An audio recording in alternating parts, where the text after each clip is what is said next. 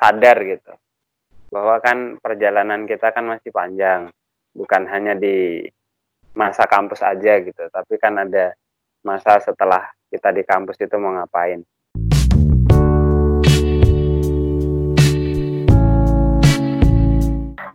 Bismillahirrahmanirrahim. Assalamualaikum warahmatullahi wabarakatuh. Kembali lagi sama aku di podcast Ngobrolin Hidup. Kali ini aku bakal ngobrol sama satu narasumber yang insya Allah luar biasa gitu. Beliau adalah Mas Benny. Halo Mas. Oke. Asal perkenalan Mas. oh iya ya Iya. Iya nama nama saya Benny Benny Suristiar tadi asal dari Jember Jawa Timur Mm-mm. telah menyelesaikan studi di Undip jurusan Fisika angkatan 2014 Berarti lulus tahun 2008 2018 ya berarti ya Mas. ya alhamdulillah bisa lulus tahun 2018 Alhamdulillah. Kabarnya Ya. gimana Mas? kabar apa nih Ya kabar apa? Ya kabarnya Mas sendiri lah. Kalau kabar saat ini alhamdulillah sehat. Ini kebetulan lagi di rumah. Karena kan Hmm. ya keadaannya corona ya stay stay di rumah. Ya melaksanakan aktivitas-aktivitas yang Kesibukannya lagi apa nih Mas? kesibukannya kalau saat ini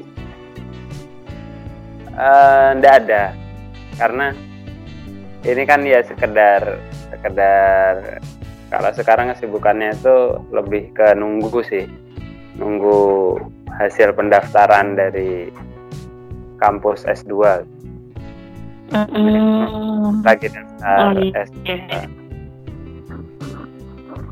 Pengumumannya kapan nih Mas? kalau pendaftaran masih masih dibuka sampai 17 Juni nanti pengumuman baru sekitar pertengahan Juli Hmm, masih lama ya berarti ya. Ya Hmm. semoga diterima ya Mas. Gitu. Insya Allah ini nanti diaminin sama yang dengerin podcast ini. Amin. Amin. Nah, jadi eh, apa ya sebenarnya itu mau bahas tentang apa ya salah satu keresahan mahasiswa kali ya mas.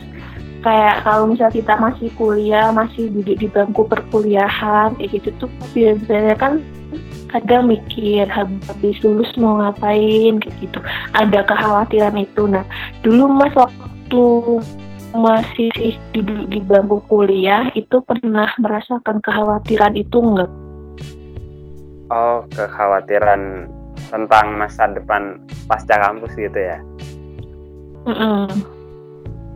Kalau ya kalau jujur nih ya, sebenarnya kalau kalau apa namanya sadar gitu bahwa kan perjalanan kita kan masih panjang, bukan hanya di masa kampus aja gitu, tapi kan ada masa setelah kita di kampus itu mau ngapain. Tapi sering sering kali eh, mas itu ini sih, mas atau secara umum itu mahasiswa itu sering terlupakan gitu. Lebih lebih senang ya masih menikmati gitu, masih menikmati eh, nikmatnya dunia-dunia kampus. Karena kan kampus itu kan banyak menyajikan ini ya, menyajikan berbagai suasana yang enak gitu, suasana yang nyaman. Terus ya kita cuma sekedar belajar aja gitu. gitu. Mm-mm. Ya kekhawatiran itu muncul ya lebih sering itu ketika mahasiswa itu udah udah mulai mendekati mepet-mepet lulus gitu. Jadi kalau kalau dulu Mas ya ya ngerasain sih terkait kekhawatiran itu karena ya masih masih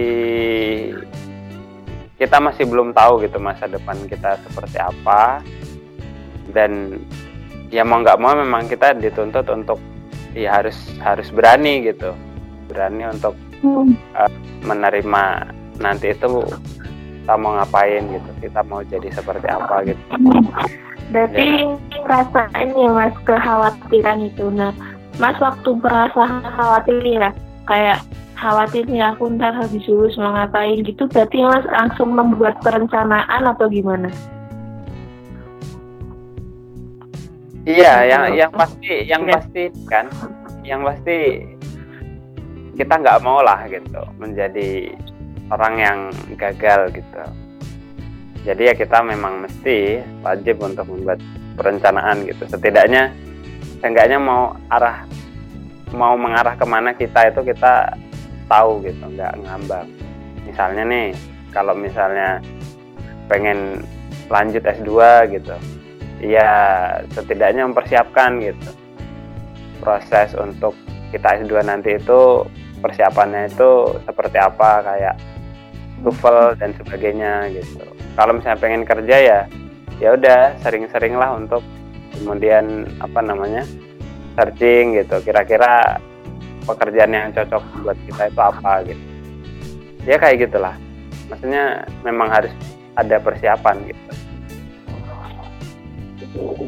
kalau mas sendiri dulu rencanain habis lulus mau ngapain itu waktu kapan? Waktu semester berapa?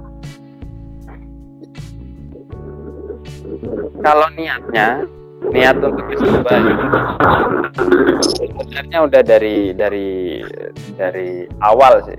Maksudnya memang Mas lebih fokus untuk kalau setelah S1 itu langsung S2 gitu.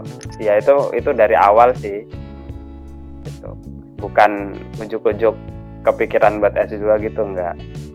Ya karena memang mas pengen kayak menempuh pendidikan setinggi-tingginya aja gitu berarti mas uh -uh.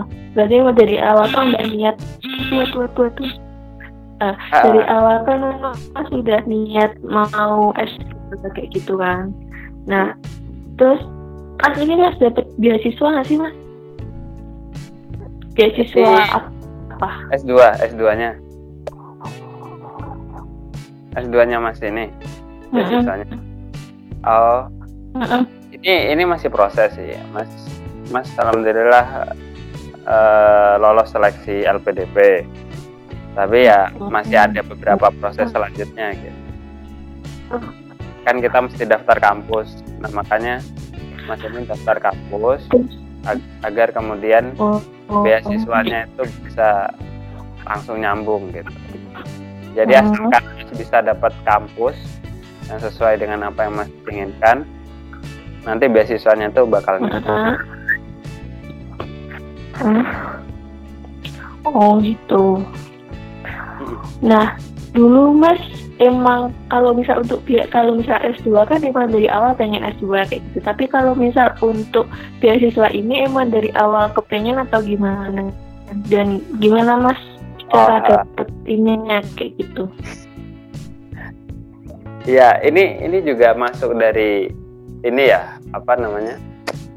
Uh, dari kekhawatiran tadi itu.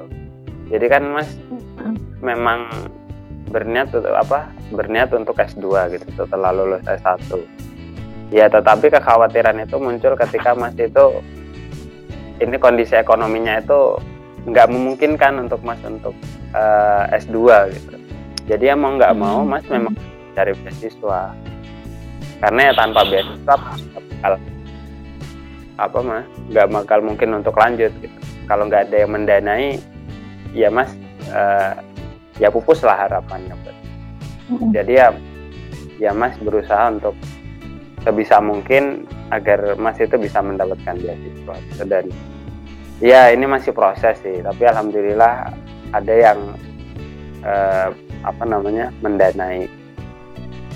Dari LPDP. Tadi apa? Pertanyaan? Ini cara dapat beasiswanya. Kan itu kan kalau misal PDB kan jadi uh, jadi uh, salah satu beasiswa yang dikatakan bergengsi lah nah itu yeah. cara dapetnya gimana? Cara dapetinnya ya simpelnya mengikuti prosedur dari LPDP-nya gitu. Ya. Kalau, ya ini kalau kalau lebih lebih spesifik gitu. Ya kalau LPDP ini mas ngelihat uh, beasiswa ini tuh memang benar-benar untuk mahasiswa yang ber, apa punya keinginan besar gitu untuk S2 gitu. Dilihat dari jadi kamu kalau daftar itu kan mesti melampirkan rencana studi gitu, proposal studi. Jadi itu itu intinya kamu belum kuliah S2 tapi kamu udah udah mesti apa namanya sebelum masuk S2 sampai kamu lulus S2 bahkan beberapa tahun setelah lulus S2 kamu itu udah ditanyain gitu kamu mau ngapain sih jadi memang ini itu ini itu beasiswa untuk orang yang benar-benar pengen kuliah S2 gitu. Yang serius lah. Kemudian ya yang jelas yang perlu disiapkan kalau dari pengalaman ya masih itu butuh waktu untuk uh, apa namanya bahasa Inggris gitu. Jadi uh, kalau sekarang itu memang bahasa Inggris itu hal yang wajib. Kalau itu mau melanjutkan S2 ya bahasa Inggris itu TOEFL atau IELTS itu ada sesuatu yang wajib. Hmm. jadi ya perlu dipersiapkan. Terus apa lagi ya? Uh, sama ini sih sama rekor rekor track record apa namanya?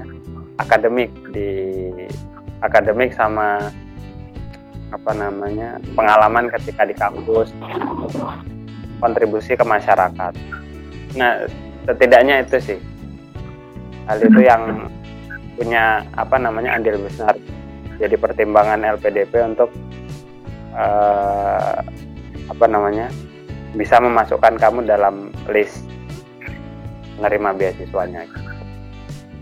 Hmm. Persaingannya ketat nggak tuh mas? Kalau dibilang ketat ya ketat banget. Oh, gitu. Hmm. Ya rasionya sih mas nggak apa mas nggak begitu paham cuman ya itu memang diselenggarakan di seluruh Indonesia dan banyak banget yang dan yang keterima yang dan yang keterima itu ya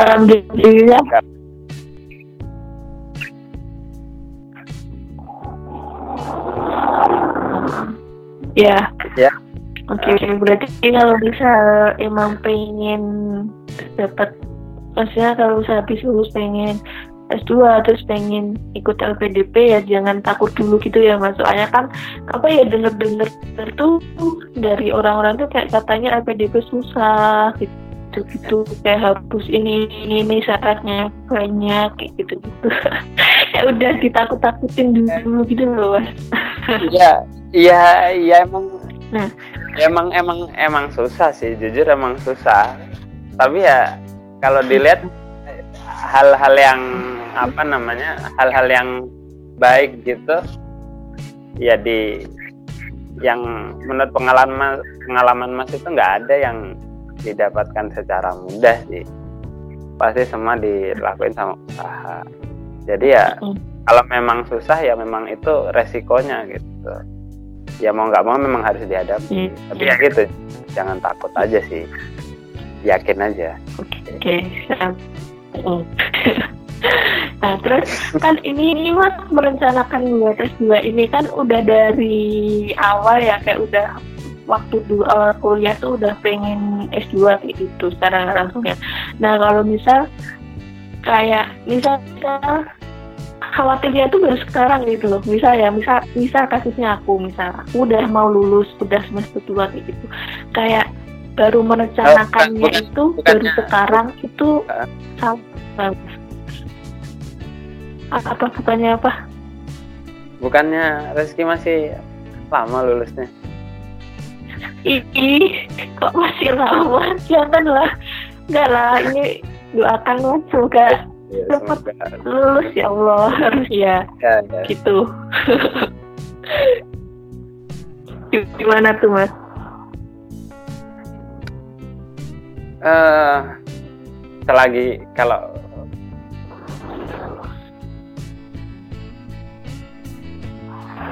Eh, apa ya kalau dari kalau dari mas sendiri sih nggak ada nggak ada kata terlambat sih walaupun walaupun Iya. kita pikirannya itu bahkan mepet gitu. atau bahkan kita kita udah wisuda gitu baru kepikiran untuk entah itu melanjutkan S2 atau kerja gitu yang jelas ya memang pertama ya kita akui aja gitu kita kan kalah start sama misalnya orang-orang yang lain gitu. Jadi kalau orang-orang yang lain udah udah mempersiapkan dengan apa dengan waktu yang lebih lama gitu persiapannya lebih lama kita baru start gitu ya ya nggak apa-apa gitu. Karena kan kita baru nyadar aja. Tapi ya Hmm. membuat kita sadar terus itu yang sebenarnya lebih penting. Maksudnya setelah kita apa namanya sadar gitu kalau waktu kita udah mau selesai tapi kita belum ngapa-ngapain ya. Nah dari situ sebenarnya jadi motor penggerak agar kita itu ya harus lebih kenceng geraknya daripada teman-teman yang lain gitu. Misal teman-teman yang lain udah persiapan dari lama kita baru persiapannya. Mepet ini ya kita mesti ngejar secepat-cepatnya gitu. dan ya kayak kayak memang udah nggak ada waktu santai lagi gitu lah. Masih itu gitu. Jadi ya sebenarnya eh, bentuk penyesalan itu lebih ke arah kita sendiri. Iya. jadi ya nggak apa-apa gitu. Karena siapa yang tahu masa depan kan? Kita cuma dituntut buat berusaha. Mhm. kita pengen misalnya S2 baru mepet-mepet ini ya sebenarnya masih masih banyak kemungkinan kok kita masih punya waktu untuk persiapan gitu sih. ya nggak usah takut. Hmm. Ya berarti nggak usah nggak usah apa ya ya terlambat nggak apa-apa yang penting merencanakan dengan matang gitu ya ya dan dalam proses perencanaan itu eh, apa ya kayak apa yang harus disiapkan kayak gitu mas. Kan kalau misal orang mau langsung kerja berarti kan banyak tuh. Ada orang yang ah yang penting dapat kerja gitu. Yang penting yang penting dapat kerja apa pun itu gitu. Ada ada yang kayak gitu ya. Karena katanya kalau misal habis apa lulusan sarjana itu banyak tapi lawannya dikit gitu. Mm-mm. tapi ada juga yang kayak ideal harus ah, aku punya kerja yang langsung kayak gini kayak gitu. Nah menurut mas gimana tuh? Kalau misal masnya ke dunia kerja ya menurut pendapat mas pribadi? Baiknya sih kita berjalan sesuai cita-cita. Baiknya itu itu baiknya ya. Misalnya nih kalau mas pengen jadi dosen ya sebisa mungkin kerjanya yang yang related gitu. Related sama apa namanya cita-cita mas untuk jadi dosen. Soalnya misalnya ya untuk sementara waktu mas apa seneng untuk apa namanya ngajar gitu. Lewat privat ataupun apa namanya join ke bimbel. Ya itu itu hal yang nggak masalah sih. Yes. asalkan itu masih sesuai gitu dengan apa yang kita inginkan apa yang kita harapkan kita cita-citakan ya itu itu hal yang baik gitu. Sambil ya kita mesti ini mesti menelusuri gitu jejak-jejak gitu. Bahkan nanya langsung gitu ke orang yang memang sudah misalnya menjadi dosen gitu. Misalnya Reski mau jadi dosen ya Hmm. sebisa mungkin ya nanya gitu. Pengalaman ketika daftar atau apa namanya melamar jadi dosen itu kayak gimana gitu sampai kita benar jadi dosen itu kan banyak dosen-dosen kita kan di undip gitu kalau mas di fisika gitu hmm. ya ya mas ya coba nanya gitu untuk kira-kira jadi dosen itu seperti apa gitu alurnya seperti apa terus formasinya hmm. ya harus harus selalu ini sih selalu update dengan apa namanya uh, apa yang berhubungan dengan uh, tujuan kita. Tuh. Misalnya formasi gitu. Misalnya nyari sampai ke arah bahkan ke arah detail gitu. Misalnya formasi di undip gitu. Dosen fisika udah udah overload. Ya kita ya coba cari di apa namanya peluang di tempat-tempat lain kayak gitu. Hmm. Ya seperti itu sih perencanaannya lebih ke arah ya sem ya sembari sembari mengajar cita-cita kita itu ya kita harus meniti jalan yang yang berhubung. Hmm. Nah itu kan tadi pas kalau misal buat jadi jurusan kan harus, harus kayak tanya sana sini gitu cari informasi cari peluang yeah. kayak gitu nah kalau misalnya pengen kerja di di, di industri kayak gitu. Nah ya menurut mas itu kalau misal magang itu penting nggak? Kan itu juga menunjang ya. Iya, iya. secara nggak langsung ya. Hmm. uh, ini sih. Kalau mas mas ini ya sempat sempat ngobrol sama orang orang yang apa? Pemilik pemilik perusahaan lah gitu.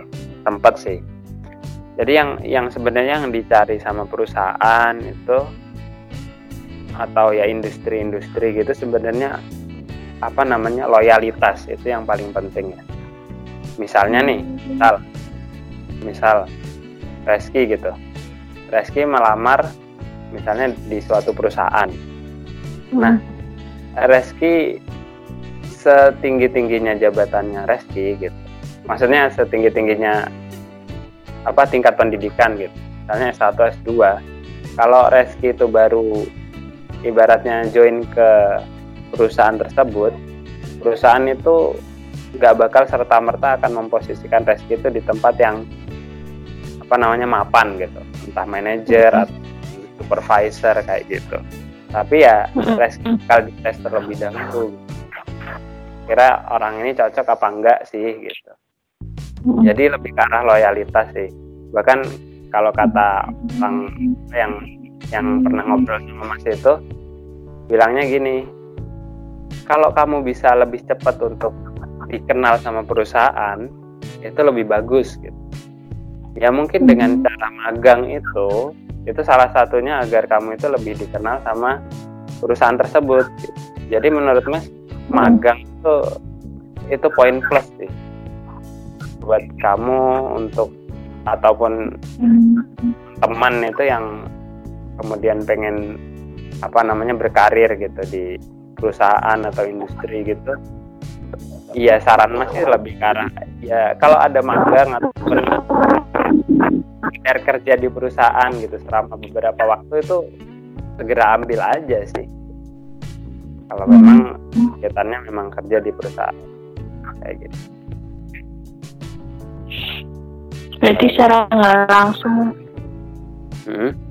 penting ya itu oh, iya. memberi iya. nilai positif iya nah, nah tapi kan kalau bisa perusahaan kan melihat loyalitas ya kayak gitu nah mm-hmm. tapi mereka juga melihat skill nggak sih mas kayak misal sekarang kan misal nih aku lulusan statistika mm-hmm. tapi kalau misal aku nggak punya skill di bidang entah itu di komputasi atau hmm. apalah kayak misal sekarang kan dunia kerja sangat ketat gitu hmm. dan katanya sekarang lebih ke arah kom komputasi lah kayak gitu entah digital lah entah ya kayak gitu nah berarti itu tuh penting ya untuk mempelajari untuk mempersiapkan skill-skill yang seperti itu itu penting banget lah.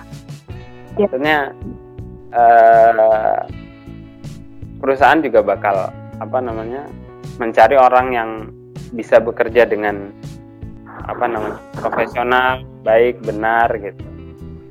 Dan apa namanya bisa menggerakkan apa namanya ya perusahaan tersebut gitu. Dengan skill-skill yang uh, dipunya seperti komputasi gitu ya itu itu hal yang wajib sih untuk untuk seorang yang akan berkarir gitu. Jadi mau nggak mau ya mas? Walaupun misalnya yeah. suka nih kayak gitu. Tapi hmm. mau nggak mau kalau bisa kamu mau diterima di dunia kerja ya berarti mau nggak mau ya. Kamu harus memenuhi tuntutan itu kayak gitu ya mas. Iya karena kan ya kita kan apa namanya kita menyesuaikan dengan kondisi lingkungan kan gitu. harusnya ya kalau misalnya lingkungannya hmm.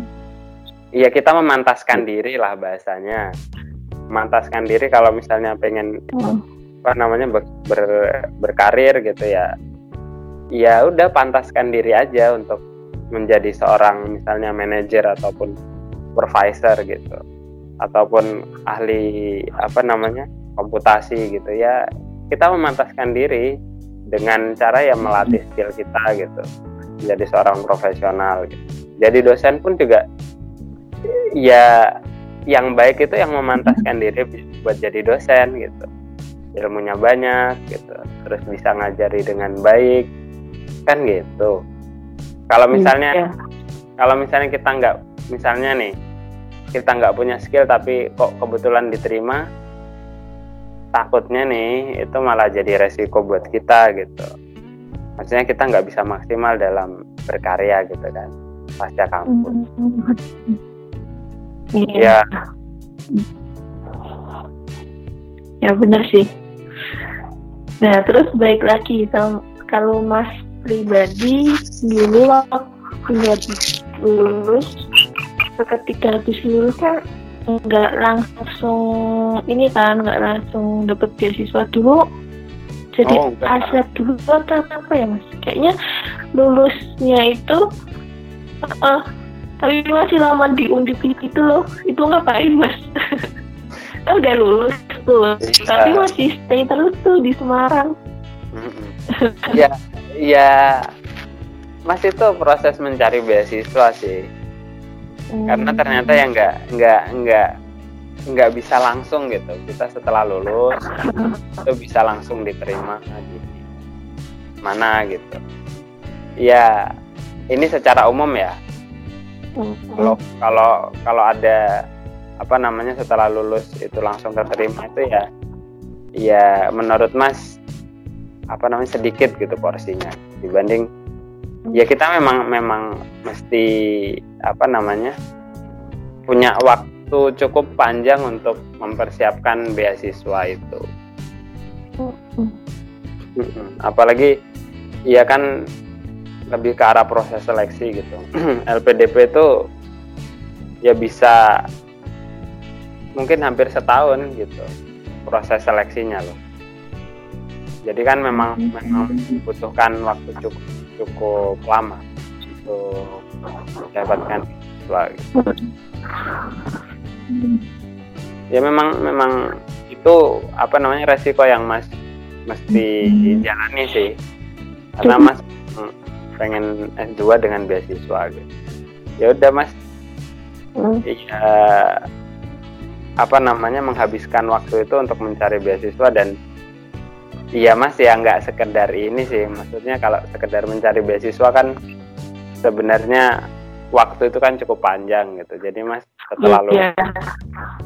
setelah lulus itu masih bantu-bantu dosen di lab gitu. itu jadi bantu-bantu di lab itu adalah kehendak dosen-dosennya minta atau gimana? Iya pas ini klop aja sih gitu ketika mas butuh hmm. untuk untuk apa namanya mengisi waktu gitu kebetulan dosen pun juga apa namanya menawari gitu. menawari buat hmm. ya ini ini udah lulus kan? Eh, kamu udah lulus kan Ben? Gitu. Ya kalau bingung mau ngapain gitu ya kamu di sini ya bantu bantu gitu. Kan memang pekerjaan dosen kan cukup banyak ya jadi memang kebetulan masih dikasih tanggung jawab untuk di lab. Yes. Ya, membantu dosen kita juga apa namanya teruslah apa namanya otak kita itu bekerja lah nggak nggak mandek gitu.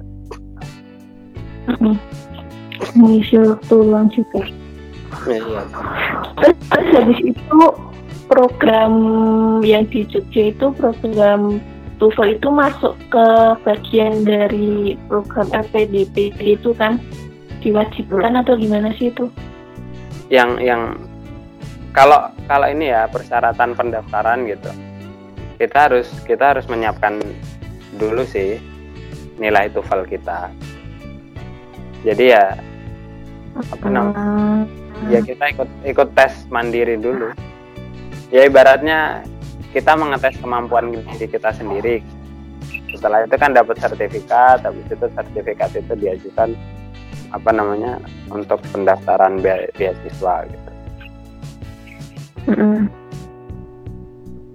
maksudnya ini yang mana ki TOEFL yang mana yang setelah mm -hmm. ikut seleksi itu I Halo. iya itu berarti kan masuk ke bagian beasiswa itu kan TOEFL yang di Jogja ya itu. Oh yang yang di katanya jam eh tuh katanya?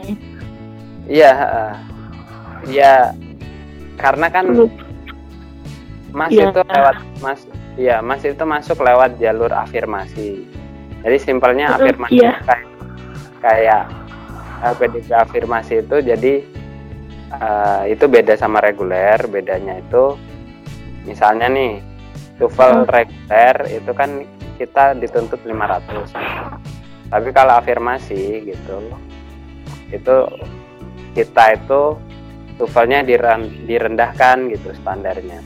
Agar kemudian nanti setelah kita lulus proses seleksi LPDP LPDP-nya itu yang mensupport gitu. Agar nilai kita itu naik di atas 500 gitu harapannya ya nah nilai itu Falmas itu awalnya itu ya kurang gitu mepet mendekati 500 jadi kan mas ikutan dapat apa namanya pengayaan bahasa namanya selama tiga bulan di hmm. nah di situ oh, ya gitu. mas belajar bahasa Inggris tapi ya dari awal kita kita memang harus persiapan sertifikat bahasa Inggris dulu sih entah TOEFL entah IELTS Hmm. hmm. Ya paham paham. Uh. Nah sebenarnya ini cuma kepo sih mas aku. Kan tadi kan mas berarti cita-citanya jadi dosen, ya nggak mas? Amin amin. Amin. Nah, nah kalau boleh tahu kenapa? Man kepo aja sih akunya.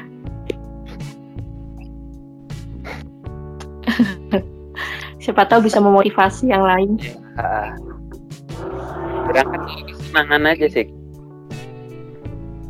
Pert gimana? uh, berangkat dari kesenangan. Maksudnya mas itu seneng buat buat apa namanya? Bikin orang itu tahu gitu. Maksudnya uh. ngajarin orang itu mas itu seneng. Oh. ya menurut menurut ini ya pengalaman walaupun cuma sekedar privat doang gitu ya hmm. masih menikmati gitu ketika hmm. ada murid yang nggak tahu terus kita kasih tahu dia itu sedikit mudeng gitu hmm. ya masih itu seneng gitu kalau misalnya kalau misalnya ya ya seneng aja sih nggak apa lewat proses pembelajaran kayak gitu ya muridnya nggak nggak apa enggak dong? Dan nggak paham-paham itu ya. Oh. ya kayak ada tantangannya sendiri gitu lah. Hmm. nah kalau misal cuman eh cuman kayak seneng ngajar kayak gitu kenapa nggak guru?